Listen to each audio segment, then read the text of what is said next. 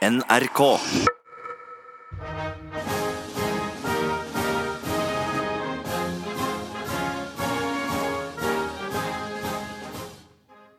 I morgen er det 14. juli, og det betyr Frankrikes nasjonaldag. Forsker ved Senter for profesjonsstudier ved Oslo OsloMet, Marte Mangseth, med kofferten i hånden på vei til Frankrike nå. Takk for at du stoppet innom oss. Takk, bare hyggelig. Hvor viktig er denne dagen for franskmennene?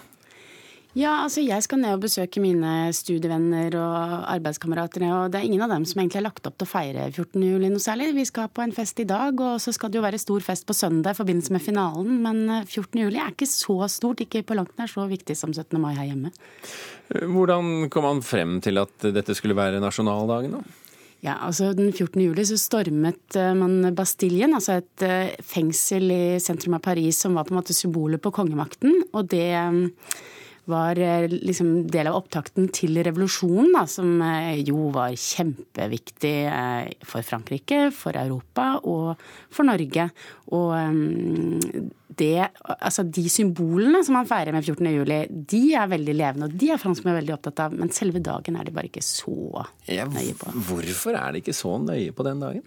Altså Nå er det litt forskjeller her. Jeg tror nok det er mye viktigere rundt omkring i landet enn det er i Paris. Og det er jo mange sånne flotte brannmannball. Brannmenn organiserer ball med mye sånn 80-tallsdisko fra fransk populærkultur og brandmenn, kjekke brannmenn i bare overkropper og sånn, hvor alle jentene har lyst til å gå på fest. Men, eh, men eh, i eh, Høres ut som en litt ny feiring. ja, helt åpenbart. Og så er det selvfølgelig fyrverkeri og sånne ting. Poenget mitt er at det er masse liksom, folkelig fest rundt omkring i landet, men, men, det er ikke så viktig. Og det er jo ikke noe barnetog, ikke sant. Det er militærparade. Det er liksom ikke den der familieevenementet som det er eh, med 17. mai hos oss. Da. Så det kan hende at man spiser en bedre middag og sånn. Men, men, du nevnte jo dette med ringvirkningene, fordi at dette slo jo ned som en bombe. Og det fulgte jo flere revolusjoner både i Frankrike og andre deler av Europa. Hva, hva er arven etter 14. juli? Ja, Det er jo så mangt, men, eh, men, eh, det viktigste er jo dette med frihet, likhet og brorskap. Og eh, Vi er liksom vant ofte å tenke på det likhetstanken, men her er jo likhet for loven. Nå er det viktigste. Nå kommer jo ikke dette bare fra Frankrike, det var jo ting som skjedde i USA og England og mange steder samtidig. Men Frankrike har liksom vært veldig sentrale å dyrke den symbolikken i det. At alle borgere skulle være eh, frie fra fødselen av eh, og like for loven. At eh, adelskap og kongen ikke hadde noen særrettigheter. Nei. Det, de har jo, det har jo gått litt opp og ned med Frankrike opp gjennom historien siden den gang, for ja. å si det sånn. Men, men sitter franskmenn nå med en slags følelse av at de er på vei inn i en ny storhetstid? Ja, altså én eh, ting er liksom eh, presidenten Macron sin eh, unghet og dynamisme og alt det der, men her har jo Trump vært veldig viktig. Den, det fallet liksom USA er inne i som At de ikke kan lenger spille liksom rollen som verdenspoliti og, og verdens moralske leder og sånn. Der ser nok Macron og Frankrike sitt snitt til å liksom spille en ny rolle på den internasjonale arenaen. Og selv om Macron sliter en del på hjemmebane nå, nå er det fall i meningsmålingene og mye skuffelse skuffelse over, over manglende sosialpolitikk og sånn. Så på den internasjonale arenaen kan man si at han lykkes ganske godt. Og nå med toppmøtet, som akkurat har vært eh, Nato-toppmøte, så har du også liksom den følelsen av at eh, Europa må stå sammen. Frankrike og Tyskland må stå sammen. Eh, vi kan ikke stole på USA på samme måte som før. Så, så, Frank så Europa har liksom styrket sin relative posisjon i, i Nato og i verden, og Frankrike liksom prøver å lede an der. Men, men, det er Frankrike i storpolitikken. Hva er franskmenn generelt opptatt av når det gjelder politikk? Ja, akkurat nå så er de ganske kritiske til Macron pga. de manglende sosiale reformene. Han skulle jo være en president som brøt med den tradisjonelle høyre-venstre-aksen. Han skulle både liberalisere økonomien og liksom gi ny dynamikk til eh, økonomien på den ene siden, og på den andre siden eh, igjen eh, reformere sosialpolitikken. Så langt så har han vel bare liberalisert økonomien og ikke gjort noe særlig på sosiale, så han framstår som en ganske klassisk høyremann. Og mange er skuffet over det. Eh, etter hvert også økende grad innad i hans parti.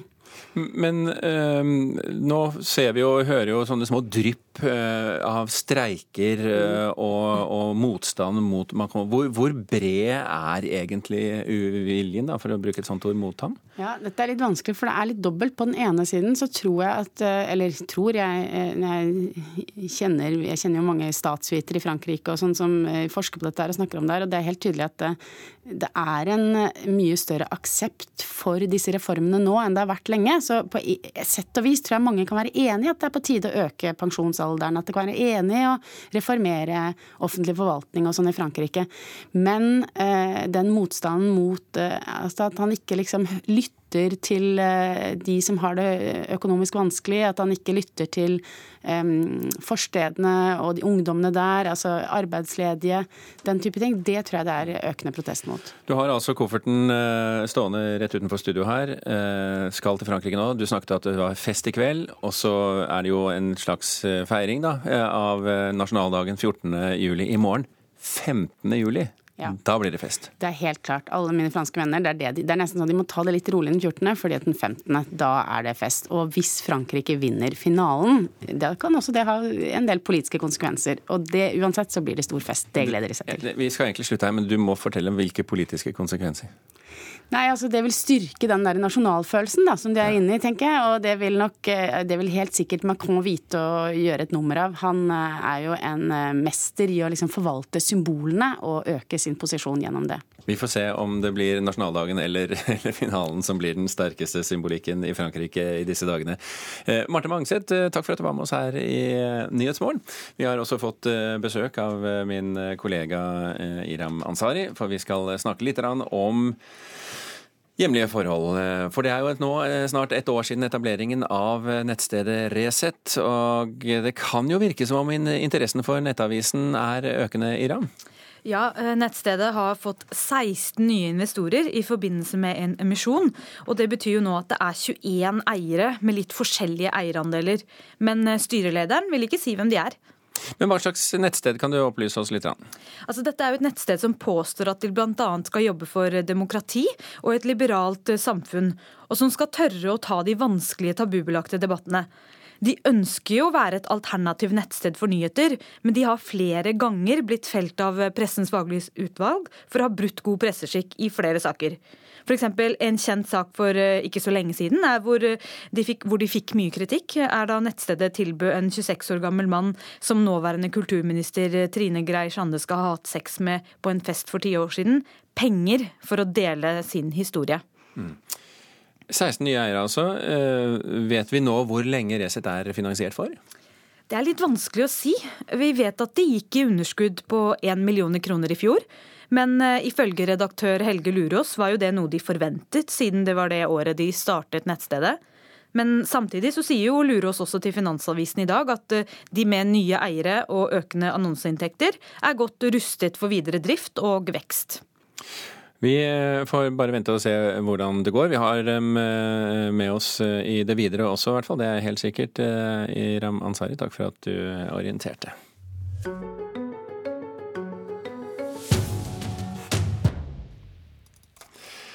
På Moldejazz på mandag så fremførte den amerikanske bandlederen og komponisten Maria Schneider åpningskonsert sammen med det norske ensemblet Ensemble Denada. Hun har tatt turen til Oslo nå for et par intense øvingsdager, fordi når de skal spille konsert i Molde, så må de jo først ha en liten førpremiere, og det skal de ha i Rotterdam.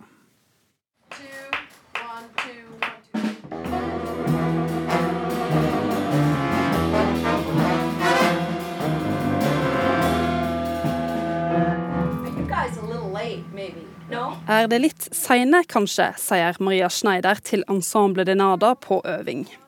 Hun har jobba med det norske ensemblet på turné i Sør-Amerika tidligere, og nå igjen før Moldejazz. Hun elsker å jobbe med dem. I love working with this band. It's just a joy. You know, they have everything, all the ingredients. They have really great rhythm section that can create the right vibe and make the music sound different every time. They have fantastic soloists, and then just the ensemble is just really great. So it's, it's really, really fun. Ensemblet har både god rytmeseksjon med rette vibber og fantastiske soloer, sier hun. Hun er kjent for å leie Maria Schneider-orkestra, har ei rekke utgivninger og har fått fem Grammy Awards. På åpningskonserten i Molde skal ensemblet urframføre låta 'Sue or in a Season of Crime', ei låt hun komponerte sammen med David Bowie. We've never performed it live, So we recorded it but never performed it live. So we're, we're going to do that at Molde.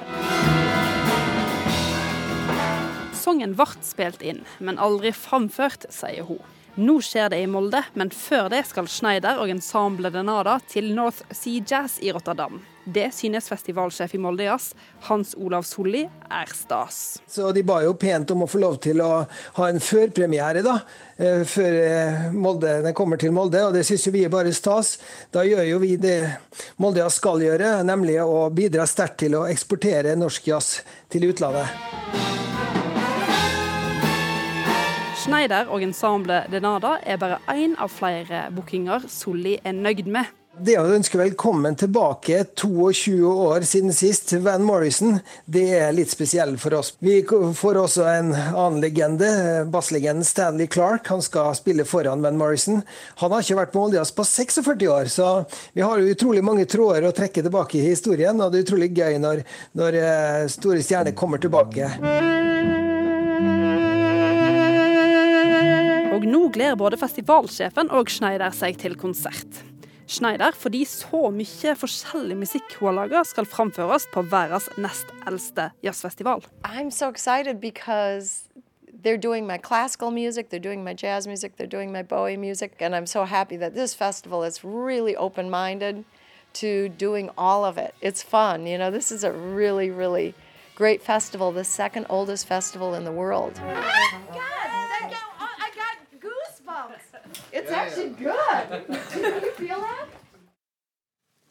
Du hørte til slutt eh, Elisabeth Lange Gjesdal eh, Nei, det gjorde du aldeles ikke.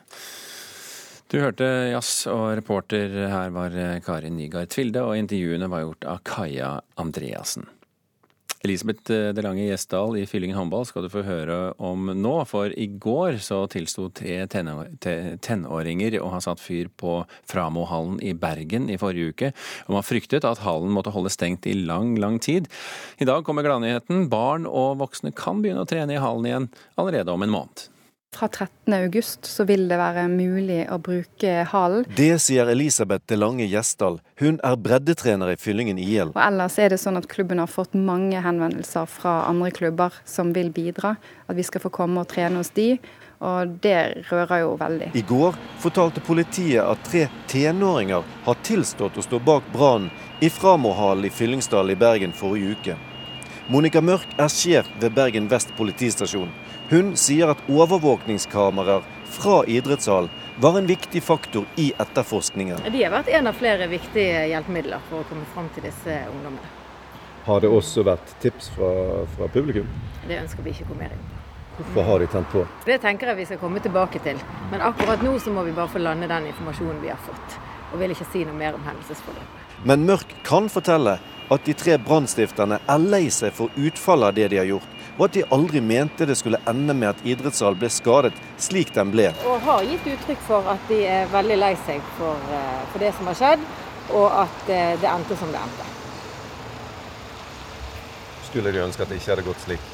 Ja, det skulle de virkelig ønske, at resultatet var noe annet. Det siste er Gjesdal i Fyllingen IL glad for å høre. Eh, mange tenker sikkert at eh, vi vil være veldig sinte i en situasjon som dette.